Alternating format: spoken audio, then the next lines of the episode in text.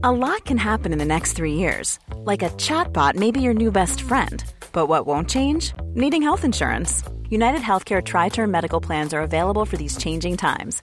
Underwritten by Golden Rule Insurance Company, they offer budget friendly, flexible coverage for people who are in between jobs or missed open enrollment. The plans last nearly three years in some states, with access to a nationwide network of doctors and hospitals. So, for whatever tomorrow brings, United Healthcare Tri Term Medical Plans may be for you. Learn more at uh1.com. Many of us have those stubborn pounds that seem impossible to lose, no matter how good we eat or how hard we work out. My solution is PlushCare.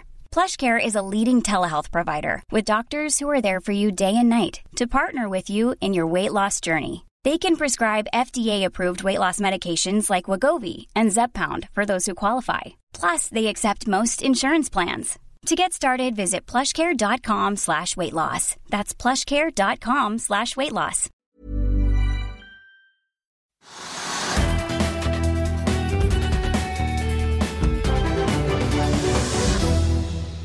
Hei og velkommen til Økonominyhetene. I dag har vi med oss seniorøkonom Kjetil Martinsen i Svedbank, som mener han har funnet ut hvorfor kronen stadig svekker seg, og hvorfor den skal svekke seg ytterligere. Men vi begynner på Oslo Børs, Trygve. Ja, det er ikke så veldig mye å si. da. Markedet er litt opp, kanskje 0,1 eller 0,2% Og så har det roet seg ned det som har med dette viruset å gjøre. De amerikanske børsene fortsetter å gå. Eh, så det ser ut som bare liksom usikkerheten er litt mindre enn den var. Selv om man ikke har løst problemet, og selv om det fremdeles er slik at da transporter stoppes, enten det er tog eller fly eller busser eller hva det måtte være, innen Kina. Og også fra Kina til Hongkong, og også da fra på internasjonale flighter som går da fra Kina til andre, europeiske land og annet. Det, det, er masse som er stoppet, og det, det er masse usikkerhet om fremtidig reisevirksomhet. Fly, flyselskapenes skjebner osv. Og, så videre, og, og en liten morsom ting. Ja, sikkert var det. World Cup-rennene i Kina er avlyst. Er det det? Ja. skulle, skulle no, de, ja, Nordmennene skulle til å kjøre utfor og kjøre fart i ja. Kina. Så, de, så rennet er avlyst? Ja, for da kommer det verken utøvere eller da, publikum. Eller, ja, helt men, det er, men det, er, det er, på en måte en tragisk situasjon. Men det ser ikke ut som det er liksom blitt verre de siste døgnene pga. det. da. På Oslo Børs er jo også oljeprisen ligger temmelig flatt, da, rundt 60 dollar per fat på brentoljen. Vært under faktisk, litt under, og litt over, men det er flatt. Så det gir ingen, altså ikke noe betydelig bevegelse i markedet pga. oljeprisen. Og du ser at både Equinor og Aker BP er pluss-minus null. Så der er det ingen effekt av det, så det er ikke spennende. Også, men det er en liten sektor som er litt rammet akkurat nå, det er da oppdrettsaksjene. De er alle sammen litt nede i dag. Hvorfor vet jeg ikke, men det kan tenkes at folk tenker at det er vanskelig å få transport til Kina med oppdrettslaks. Hva vet jeg? Kanskje. Kanskje. Får lakseprisen bitte litt ned. Ja, altså, det, det, er vanskelig å si. Det er ikke noen driver av betydning. i hvert fall. Så det er, oljeprisen betyr ikke noe. Oppdrettsnæringen er bitte litt sånn. Og så er det da noen morsomme aksjer. Altså, vi har snakket om Fotokur, som da Øystein Streisbetalen gikk inn i for en uke eller to siden. Og nå er han ute igjen. han har iallfall solgt en del. ja, i fall, plutselig har han solgt ut. og det er ingen som skjønte det var liksom I går så var det at han hadde kjøpt, og da gikk kursen opp. Og så i dag har han solgt. Det er ingen som skjønte hvorfor han gikk inn. For det at det, dette selskapet som domineres av Hansson-familien, altså da mm, Eibjørn Hansson og sønnen Alexander eh, men det er ganske morsomt å si at han da, Jeg trodde kanskje at han ville ta en sånn bet hvis da aksjen gikk ganske mye. Han tok ut en kort, kortsiktig profitt og viste litt hvor tøff han var. da, Hvor rask han var i svingene.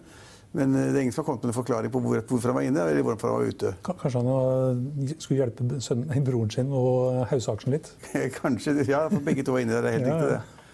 Og så har vi sett at REC Silikon, som jeg snakket ganske mye om, da, fordi det er store aktører som har vært inne der, og Jens Ultveit Moe var inne der og hadde, hadde en aksje på, som da Røkke-selskapene kjøpte. De Røkke-selskapene kjøpte Ultveit Moes aksjer til 1,30 kr, og nå står kursen i over 5 kroner. Eh, han er litt 6 kroner i dag. Det er litt synd for Utvedt Moe, det må jeg si, for jeg tror han ligger litt dårlig an. 85 millioner er blitt en halv milliard for Røkke. Ja. Røkke trengte jo ikke kanskje Ultveit Moe trengte de pengene. Men sånn er det i aksjemarkedet. Men der, der bommet han jo totalt på timingen. Så enten var Ultveit Moe tvunget av, fra banker eller andre til å realisere noe som var likvid, eller kunne få noe penger ut av. Selv om han ikke fikk hvor mye var det, 80 millioner eller noe sånt? Ja, fem, ja, det var vel noe, 50 ja, millioner. Ja. Så det var ikke mye penger Ultveit Moe fikk, fikk, ut av det. Altså relativt lite beløp. Mm. Så fikk Røkke hånd om de, de aksjene, og så har da kursen gått som barakkeren etterpå. Og mange mener jo da det at selskapet, selv om man skulle få da en åpning i handelskrigen eller handelsavtalen mellom USA og Kina, så hjelper det ikke noe om Kina nå er villig til å importere eh, silisium fra Rex Silicon, selv om tollen er borte. fordi det er så mange lignende produkter i Kina som er mye billigere og mye bedre, som bedre marginer på. Så at Rex Silikon for alle praktiske er ferdig uansett, sier noen. Det har ikke jeg, det skal ikke jeg ta ansvaret for. Det er, bare, det er, mange som sier det, og det, det, kan ha noe for seg. Og den fabrikken de hadde i USA, den er jo tom, den er tømt, og den, jeg vet ikke hva de skal gjøre med den. Men, så, så, så, selskapet, men den, den har tredet altså mellom 1,30 kr og, og opp, som du sier, opp til 6 kroner på et par uker. og Det er jo ganske spennende. og Morsomt for de som da gjør det, eller blir med på å forsøke å trede i den aksjen. Så det, det er litt spennende. Mm. Og så ja, det skjer ja, så det er de rare raritetsselskapene jeg, jeg nå snakker om, Nordic Mining. Det var en svær artikkel i Finansavisen i dag som da selskapet skal drive med noe gruvedrift eh, nordover. Utenfor Florø, ikke det? Ja, etter sånt, ja, så har de da holdt på i årevis med å få tillatelse til å dumpe avfall og slam i fjorden der, og det har de visstnok fått. Mm. I store mengder. Men de har ikke drevet noe gruvedrift. så det er, Gruvedrift tar jo uendeligheter av tid å ta ut jordsmonn og plukke ut valm eller hva det måtte være. Men de fremsto i Finansavisen da i dag som veldig sånn hot. Det var liksom, de hadde marginer på 70 og Jeg vet ikke om de regnet på det, men uh, det skulle gå veldig bra. og Derfor så var det mange som var interessert i aksjen. Men så gikk aksjen rett ned istedenfor. Det skyldes tror jeg da, det noe så enkelt som at uh, de hadde en emisjon i går. Mm. Rett etter emisjon, hvor da kursen var to kroner. og Da må jo markedskursen også omtrent ned på to kroner. Det er den ikke. Så markedskursen er godt over to kroner, og aksjen har falt rundt 20% i dag. Fordi du kan liksom ikke du får ikke solgt aksjene dine i markedet til en vesentlig høyere kurs enn det som mange var villige til å kjøpe for i går. Det er liksom en viss sånn transparens i det, og folk vet hva som, hva, hva som foregår. Så det, men de er taperne i dag. De er så, 2 kroner og 40 øre nå.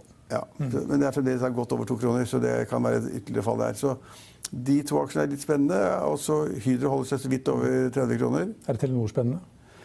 altså, La fram tall i dag. Ja, De var veldig gode tall. Mm. Det må jeg si. og det er, det er, veldig mange som er negative til Telenor. De la fram gode tall. De har hatt svære tap i Asia. Jeg vet ikke om de har tatt alle sammen. Men så kom det også med melding om at de skulle dele ut masse utbytte. 12 milliarder kroner til aksjonærene. Det er veldig mye penger. Jeg vet ikke hvor mye det er per aksje, men jeg har ikke regnet på det. Men de kom egentlig med en ganske god melding. Ja, 8 kroner og 70 øre per aksje. Ja. Mm. Men, men, markedet har sendt aksjene opp en halv prosent eller sånn. Så jeg tror at Telenor er et selskap pga. ledelsen litt, og pga. historikk, så er folk sånn, i utgangspunktet ganske negative til Telenor. Også fordi de har gjort feil, brukt masse penger i Asia, tapt store summer der ute. Og så har vi problemene med Brekke, som eh, var en periode som er litt urettferdig hvis man fortsetter med det. Så, men jeg kan ikke telle noe godt nok. Jeg har ikke sett nøyere på det, men så de tjente vesentlig mer penger, og de betalte vesentlig mer utbytte. Vi skal ta en liten titt på den teknisk litt senere i, ja. i sendingen. Har du sett på Apple som la fram tall i går? Nei, det, men så vidt jeg forsto, så skulle de komme i kjempetall. Ja, Og det var gode tall. Ja. og vet du hva, De solgte iPhone for 56 milliarder dollar i kvartalet. Altså i første kvartal. Helt utrolig.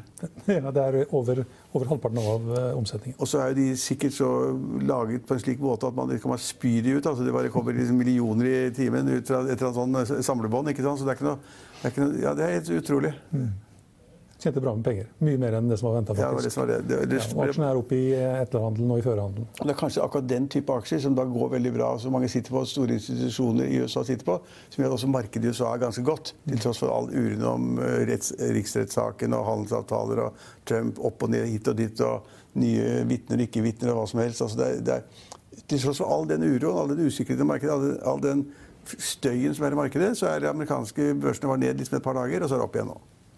Det er ganske morsomt å tenke på. De solgte altså iPhone for 510 milliarder kroner. Ja, det er helt utrolig. I et kvartal. Men har ikke hele verden en iPhone etter hvert? Jo, jo. Hvis du går på en trikk eller en T-bane jeg, jeg, jeg, Det jeg, nye. Det er, det er ikke så ofte jeg tar T-banen, det må jeg innrømme, men jeg gjør det ja, fra der jeg bor nede i sentrum videre. Hvis du går på en trikk eller T-bane nå, så sitter jo 90% med telefoner. Mm. Altså Det er ikke slik at det er halvparten. 90% sitter med, ser på en film eller uh, chatter med noen eller gjør noe. 90% bruker telefoner i Norge. Det er mange som har Samsung og Huawei òg. Ja, det er det også. Det er også. Ja, men da, hele verden har den type telefoner. Da. Vi kan også ta med at Det gikk ikke like bra med Boeing, som også la fram kvartalstall. Der eh, stupte omsetningen, og det er jo ikke så rart. Nei, men Vi visste jo det, at omsetningen der ville, ville gå dramatisk ned. Men så har de også lagt frem tall for hvor mye man antar at da det maks 8-problemene vil koste. hva Det vil koste, og det var liksom 170 milliarder kroner. eller sånn. Det var et vanvittig beløp. Men det visste vi jo, så de selger mindre, selvfølgelig. Ordrene er færre. De taper penger, så, så det griner på det maks 8-problemet, som de da kanskje får løst i løpet av sommeren, men kanskje ikke. Da vil tapene bli enda større, så står det sånne maks 8-fly over, overalt i hele verden. Jeg vet ikke. Og selv Norwegian har jo 10-15 fly ja, det, som står et eller annet sted. Mm. Lagret. mørken i USA, tror jeg. Ja, så, jeg, jeg, jeg, liksom jeg sa, sa, vi snakket om det i går. Altså, liksom, hvorfor skal man eie Boeing, liksom? Hvorfor man er så dum å sitte med aksjer i Boeing?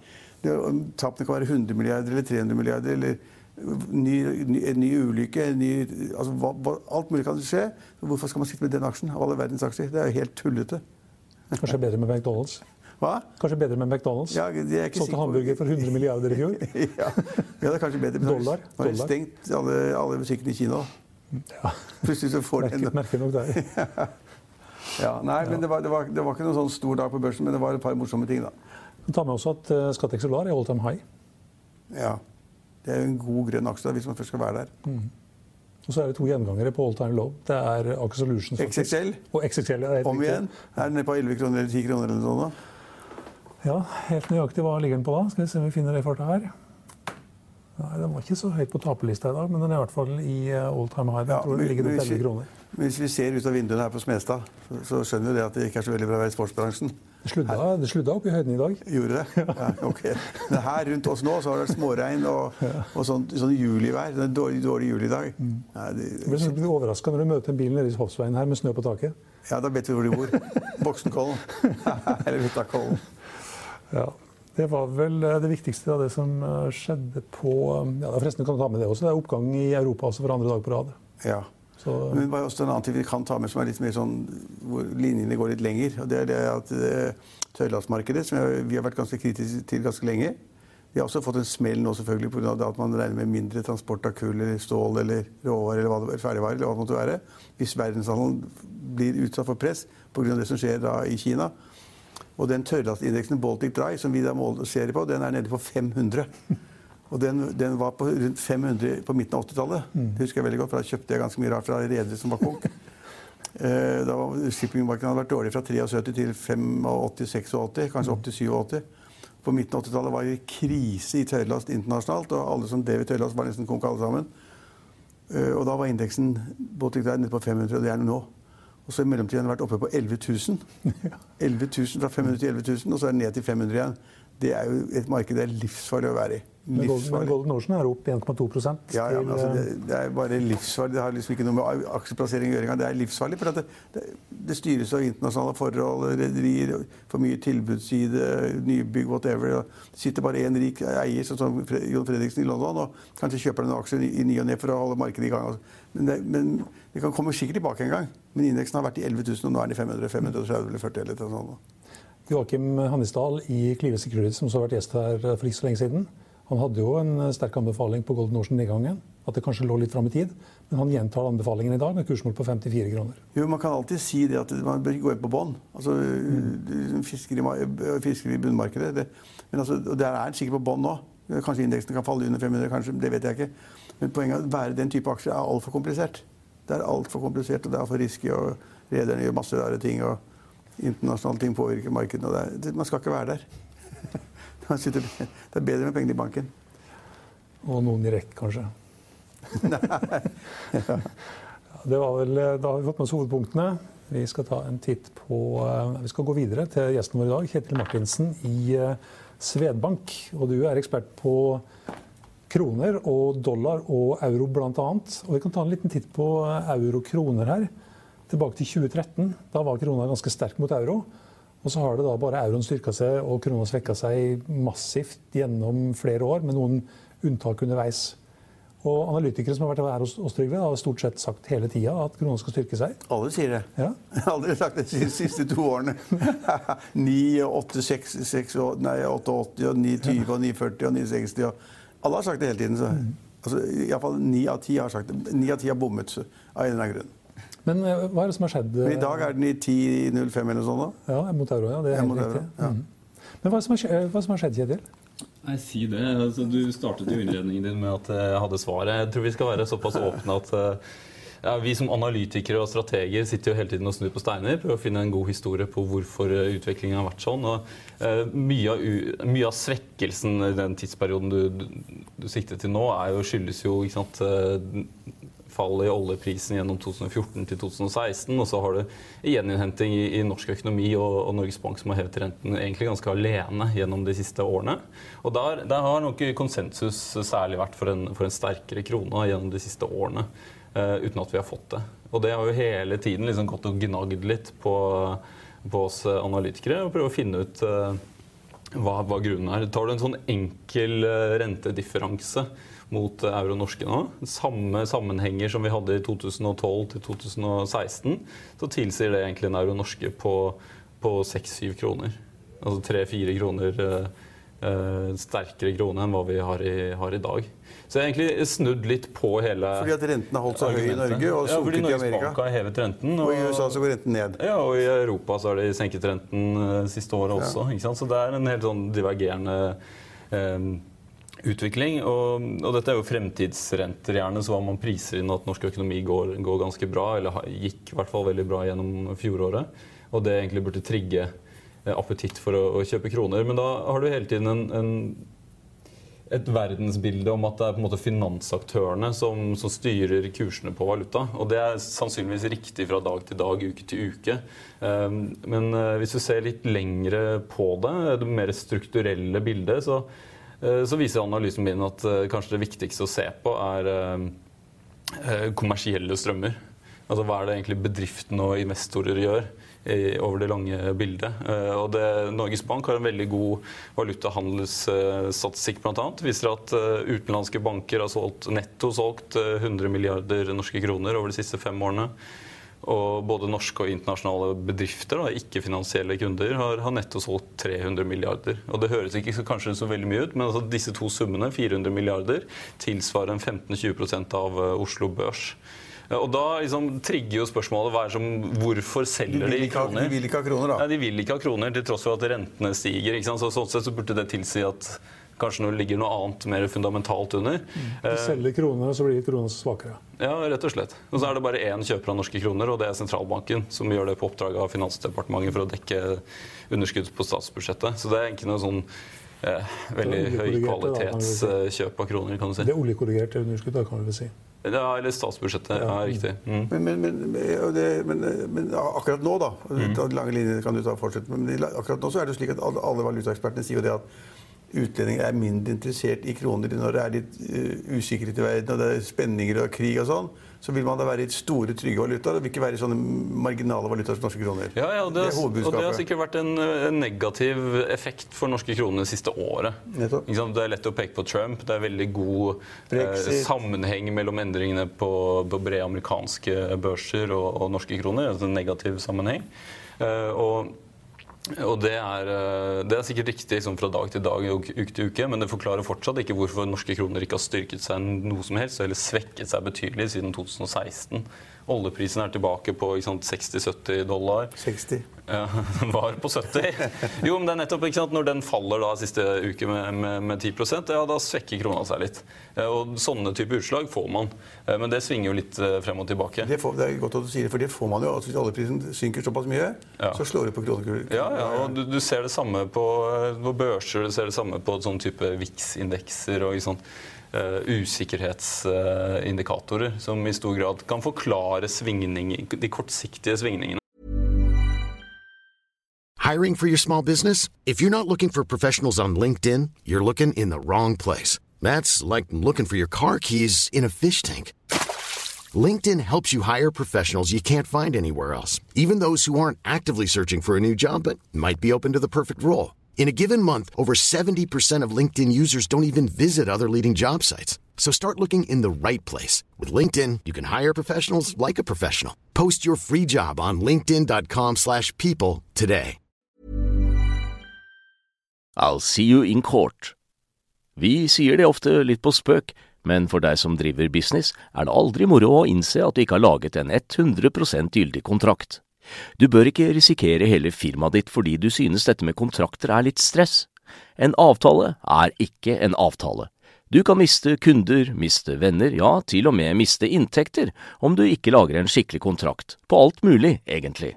Men vi vet det er et styr. Kopimaskiner, treg printer og haugevis av papir. Dessuten stoler vi jo på folk her i landet. Det er ofte litt kleint å skulle be om en signatur for alt mulig, ja, for mye av styret handler også om jakten på underskriften. Det finnes en enkel måte å løse dette på, Dukkobit, en trygg, effektiv og get this, gratis måte å sikre seg en god natts søvn pluss en juridisk bindende avtale. Dukkobit-appen har de strengeste sikkerhetskrav i bunn, samt en EU-godkjent og sertifisert teknologi. Framover vil det bli behagelig å spørre du, skal vi skrive under på det, eller? Kom i gang på dokobit.no. Eh, men det er mer de lange trendene som er interessante her, syns jeg, da, for å forklare hvorfor er vi på det nivået vi er på nå, og ikke, ikke på 7-8 kroner da, mot, sier, mot, euroen. Men du, du er ikke de, altså, nå, nå, sier jo da, så jeg forstått, så sier da når de er ekspertene, mm. at kronen skal styrke seg ganske kraftig. Og så sier da DNB-ekspertene at den skal svekke seg ganske kraftig. De to største bankene står på helt Er ikke, er ikke sånn stenogram, omtrent? Jo, ja, det, er, det, er litt, det er litt morsomt, egentlig. det er litt morsomt, da. Det er ikke så ofte det er sånn. Det er sånn sett så veldig sunt med litt uh, ulike syn da, i, i, i, markedet. Så kan man jo velge de historiene man liker best. Ja, men det er det vi spør deg om, da. Hva, hva, er riktig? Ja, nei, men Gå tilbake til hvorfor er det disse aktørene da, i valutamarkedet selger norske kroner.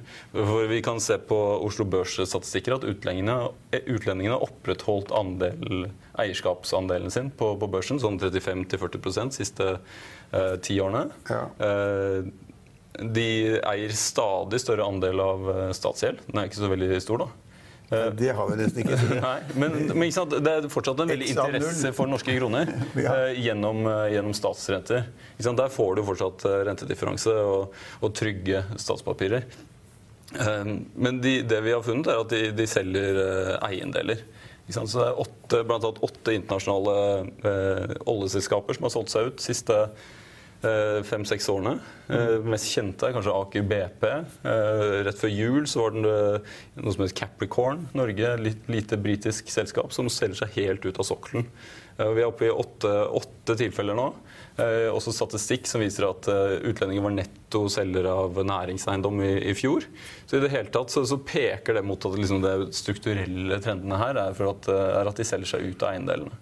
Uten at det er noe Det er ikke noen sånn enhetlig årsak til at særlig oljeselskapene, som utgjør en ganske stor, eh, stor mengde, eller stor andel av, av salgene her det er ikke noen sånn enhetlig grunn til at de gjør det. Sannsynligvis er det litt konsolidering et syn på at norsk eh, oljetid eh, måtte, når en slutt en eller annen gang.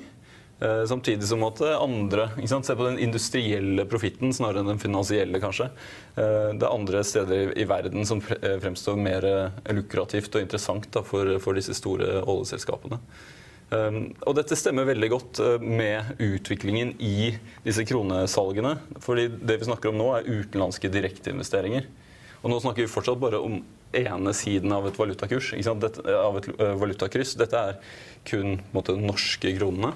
Uh, men samtidig så kan du tenke deg hva er som er megatrenden i verden. Ja, Det er tech. Vi snakket akkurat om Apple og aksjeindeksen der. Altså pengene, De globale investerbare pengene flyter rett inn i USA, rett inn i Kina. Samtidig så ser vi også at Ut av olje og inn i tech, da? Ja, For Norges vedkommende er det.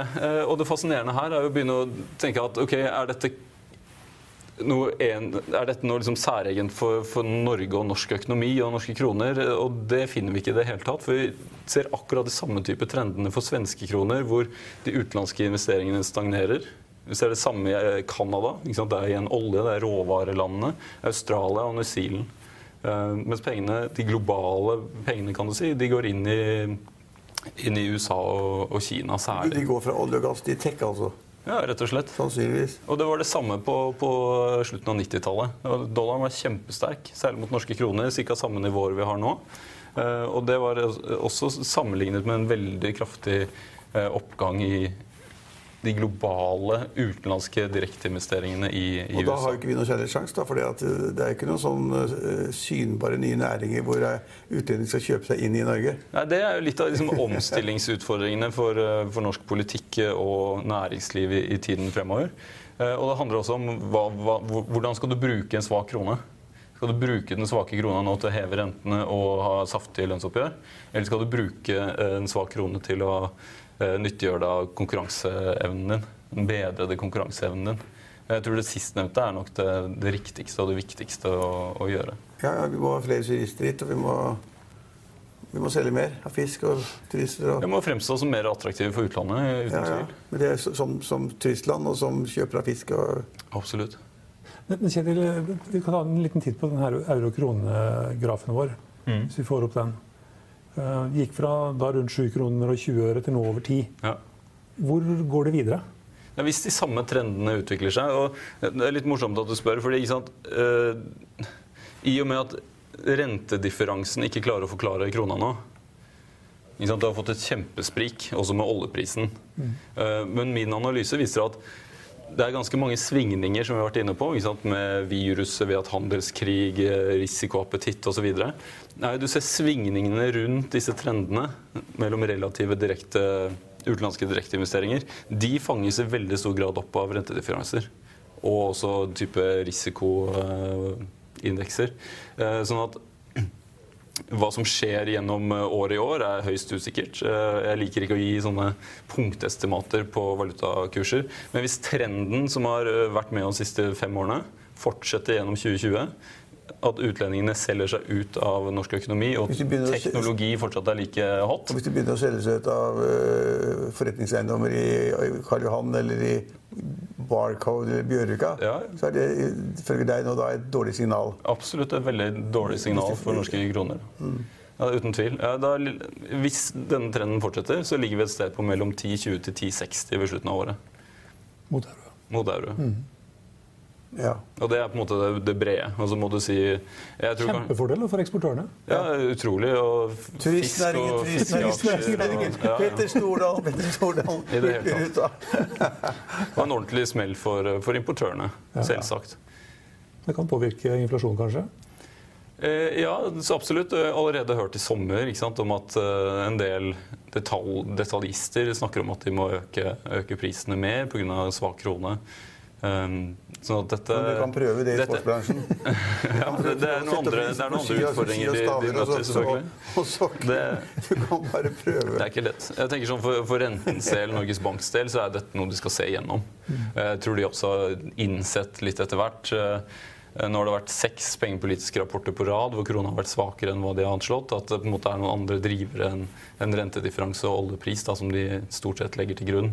Uh, Sagt på en annen måte, Hvis du på en måte lander en ordentlig fase to-handelsavtale, USA og Kina blir bestevenner, det er litt sannsynlig, men hvis det, hvis det roer seg helt ned, så ser jeg fortsatt ikke for meg at krona skal styrke seg vesentlig fremover. Ja, men også den inflasjonen, hvis det er noe vi spør om, det, Vi har jo ikke noen inflasjon. Er det på 2 Hva ligger den på da?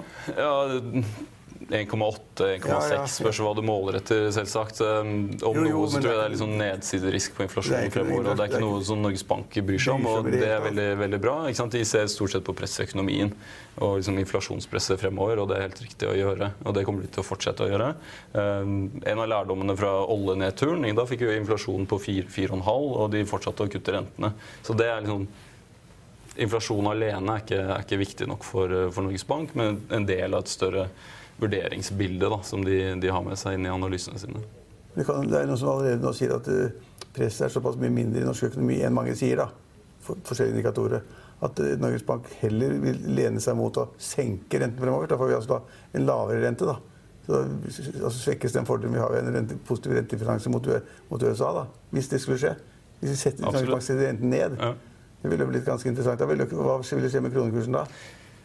Eh, nei, I mine analyser så vil det skje akkurat det samme som da de hevet rentene. Du har en ganske marginal effekt på valutakursen. Og det, ser du over de siste 20 årene og ser på rentedifferanse mot uh, kronekurs, så er det en veldig dårlig sammenheng.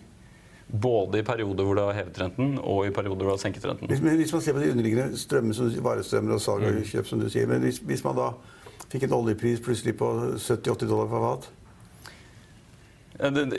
Isolert sett er det selvsagt positivt. For, da, det, men, isolert sett kronen styrket seg, ikke sant? Ja, ja. ja, Men jeg tror ikke effektene er sånn veldig store. Nei, det, de, Med mindre dette fører til at utlendingene begynner å sette til Norge igjen. Og det før, tror jeg ikke er så veldig Alt det vi trodde på før, rentedifferanse og oljepris, det er liksom nå det, det, det er med på å forklare de kortsiktige svingningene. Men ikke den lange greia der? Ikke de lange trendene, nei. Så vi får sette noen, sette noen der folk på Gardermoen og fast på hvis det kommer utlendinger med masse penger og begynner å kjøpe her.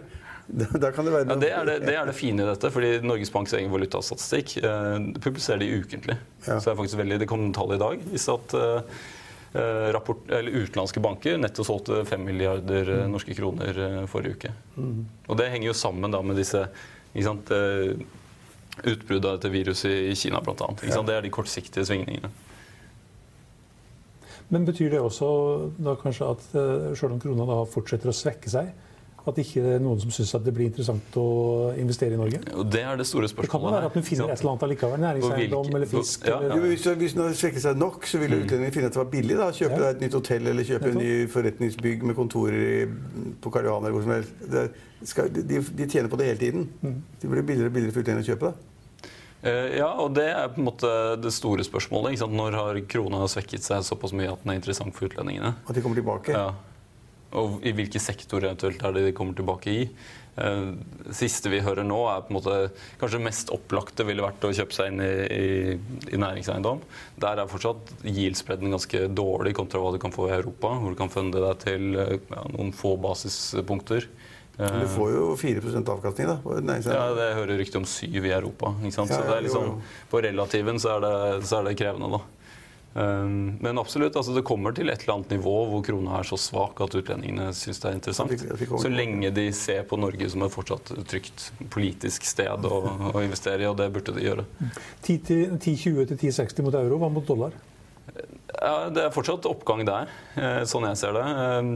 Oppgang var at I, i dollar norske, altså en svakere krone. svakere krone, ja, ja. ja. Eh, Nei, absolutt. Og, og sannsynligvis eh, Konsensus der ligger jo for at euro-dollar skal, skal stige. Det har på en måte vært et konsensussyn over de siste tre-fire årene. Eh, Jeg tror heller kanskje på nedside, altså ved å følge de samme type resonnementene som vi har gjort her. Så en, en dollar norske på midten av 9-tallet i løpet av året er høyst oppnåelig. 9,50 har vi sett det før. Nei. Hva da? Nei, Toppen er vel litt sånn 9,20 hvis du bruker sånn daglig tenker, daglig. har vi sett 9,50 før? Har du sett 9,50 før mot dollar? Nei, ikke så jeg kan si det akkurat nå, nei. Nei, jeg, jeg har ikke sett det. Jeg tror toppen er rundt 9,20. 9,30. Så vi, Jeg vokste, vi jeg hadde vokste på 7 kroner og 10 øre, jeg, vet du. Måtte da 7-10. Det var en fast kurs, sto ikke den i 30 år eller noe sånt. Men, men, men hvis altså, det der med underliggende eh, kjøp og salg av valuta, at store utlendinger selger, og også norske selskaper selger osv., slik at det blir da et salgspress på kronen. Men hva er, hva er som er så- altså, og, det, og det er ganske store strømmer, selvfølgelig. 400 milliarder, som du sier, og 500 milliarder. og Mye penger. Men hva skulle, hva skulle være en aktiva-klasse, eller hva skulle utlendingene kjøpe for at det ville påvirke, de, i, i Norge, altså påvirke kronekursen? Hva skulle de kjøpe? Nei, Det handler om å kjøpe bedrifter. Ja, ja, men hva- hva skal- skulle de Eh, være? Nei, jeg syns fortsatt næringseiendom kanskje er det mest opplagte. Hvis man ikke skal gå inn i olje, som sannsynligvis da utlendinger ser som eh, Farlig. eh, farlig og på en måte en, eh, en bransje i nedgangstid. Så enten der eller eh, noe grønt, selvfølgelig, som er i, fortsatt i vinden. Eh, Det handler om for, for norsk næringslivs del å, å satse Vi har ikke noe grønt. Vi har- Nei, vi har ikke noe grønt. Det handler om å, å starte, starte, fra bånn. et lite lite billigselskap. Det er vel Statoil, eller Statoil, Equinor som skal ha det. Ja, de eier jo mange eier allerede. 20-40 ja. de skal sikkert ha mer. Men det er et interessant spørsmål da, hvis man bare tar din teori og filosofi eller modell og tenker på det, så, det, ok, så, må vi følge med på disse ukentlige statistikkene. Men, men hva er det de skal komme og kjøpe her? Jeg kan liksom ikke tenke meg hva det er. jeg, altså. Du sier for næringslivet, jeg er enig faktisk. Altså, men, men, eh, men hvis jeg har begynt å selge fordi de syns at avkastningen blir for lav, så, og nå får de høy pris Mm. Nå får de en høy pris, har drevet opp prisen, og yielden går ned, og så kanskje de går ut men, og kommer tilbake igjen. da. Jeg Kan, hva, skal de kjøpe i Norge, Sten Ove? Nei, det er vel noen oppdrettsselskaper som fremdeles er til salgs. Men de er jo på børsen, da. Ja. så det er ikke noe eiendom. Jo, men det gjelder jo, altså den statistikken gjelder jo også aksjer Også og, det, og, salg aksjer. og obligasjoner. ja jeg, jeg kan ikke finne altså, hvor, En sektor hvor det er så store beløp at det monner, det er det jeg tenker på. liksom. Ja, nei, det, det, er liksom det mest opplagte i Norge er selvsagt olje, oljebransjen. og Det har kanskje vært en av sårbarhetene til, til norsk økonomi. At vi har stort sett hatt ett bein å stå på. da, som har sier du eh, at syv-åtte selskaper har begynt å selge, selge seg ut av Norge. ikke sant? Ja, De er allerede ute. De er ute, så hva er de da igjen? Det, det, Nei, det er fortsatt en sju-åtte ganske betydelig store ja, eh, altså, Aker selskaper. Røkke, Røkke å selge alle sammen da, til utlandet. da. Det monner ikke helt, det heller. Og de kjøpte hele oppdrettssektoren, monner vel nesten ikke det heller. Det begynner det å bli litt størrelse etter hvert, men det er klart eh, kan det ikke måles med, med oljen på Ja, da blir krona svakere, da. Det, det høres nesten sånn ut. Det, det, Hvis man skal det ikke- følge jeg, den kan, jeg, jeg kan ikke se noe for meg som er på vei inn i norsk økonomi hvor de kjøper kroner i stort monn. Det kan jeg ikke se. Du kan snu på og tenke liksom, hva er megatrenden i verden. Og i stor grad så er det tech. altså SMP 500 steg var vel en Tech har vi jo masse i Norge. Vi er jo så gode. 30% i fjor, og, og nesten 95 av oppgangen var drevet av disse fangaksjene. Ja, det, det var det. Og det er jo bare ett sted pengene, de globale pengene da, går. Og det er jo inn i USA, det er inn i, eh, i tech i, i, stor grad. Amazon og Google og Netflix og Apple og mm. Hva er Apple og Apple, ja. Det er der pengene våre Jeg ser det. Det er veldig interessant poeng. Hvis Apple er opp 100, Facebook, ja. 100 i år, da? Ja. Nei, i fjor. Ja, siste år, eh, da har på en måte ikke rentedifferansen så veldig mye å si, tror jeg. Nei. 1400 milliarder dollar. Ja. Apple. Verdien. Og, og, og gamle, gamle, kona til Amazon-sjefen Besos, Bezos. Bezos hun solgte jo aksjer for 4 milliarder i forgårs. Det var før, før, kaffen. Før lunsjen. noen, noen, av de aksjene fikk vi oppgjøret. Ja, men det er interessant. Den teorien det skal vi lytte til. Mm. 10,20 til 10,60 mot euro og 9,50 kroner mot dollar. Tusen takk for at du var med oss, Kjetil. Ja, vi kan uh, ta med at uh, siden vi var inne på det med sannsynligheten for rentekutt uh, Renten ligger nå på i intervallet 1,50 til 1,75, altså 1,5% til 1,75% Og ifølge CMEs Fedwatch Tool så er sannsynligheten for at den blir liggende på det etter dagens møte, på 87,3% Nytt rentemøte i mars. Der er sannsynligheten for at den vil holdes på samme nivå nå 84% I april 29. der er det 76,3% for at den vil bli liggende på samme nivå. Og sånn ser det også ut eh, for de neste par rentemøtene. Det er ikke før til høsten at det er litt større usikkerhet og kanskje en økende sannsynlighet for at renten vil bli satt ned. Vi kan også ta med at eh, børsen i New York der eh, åpna det pent opp i starten, men så har det falt ganske kraftig tilbake igjen, ned mot null. slik at Dow Jones er nå opp 0,11% mens Nasdaq er opp, eh, unnskyld, ned 0,1% i Finansavisen i morgen kan du blant annet lese Trygve Egners leder om eiendomssalgene i Oslo kommune, og om det ble solgt for mye da Høyre satt i førersetet. Husk også at du kan høre våre børskommentarer og gjesteintervjuer i vår podkast. Den finner du på finansavisen.no. slash podcast. Det var det vi hadde for i dag, men vi er tilbake igjen i morgen klokken 15.30. Da blir det mer valuta, og da har vi med oss Handelsbankens Nils Christian Knutsen i studio. Følg med oss igjen da.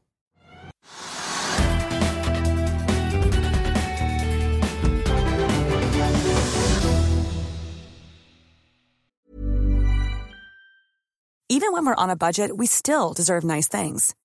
Quince is a place to scoop up stunning high-end goods for 50 to 80% less than similar brands. They have buttery soft cashmere sweaters starting at $50, luxurious Italian leather bags, and so much more. Plus, Quince only works with factories that use safe, ethical, and responsible manufacturing. Get the high-end goods you'll love without the high price tag with Quince. Go to quince.com/style for free shipping and 365-day returns. Økonominyhetene er en podkast fra Finansavisen. Programledere er Marius Lorentzen, Stein Ove Haugen og Benedikte Storm Bamvik. Produsenter er Lars Brenden Skram og Bashar Johar. Og ansvarlig redaktør er Trygve Hegnar.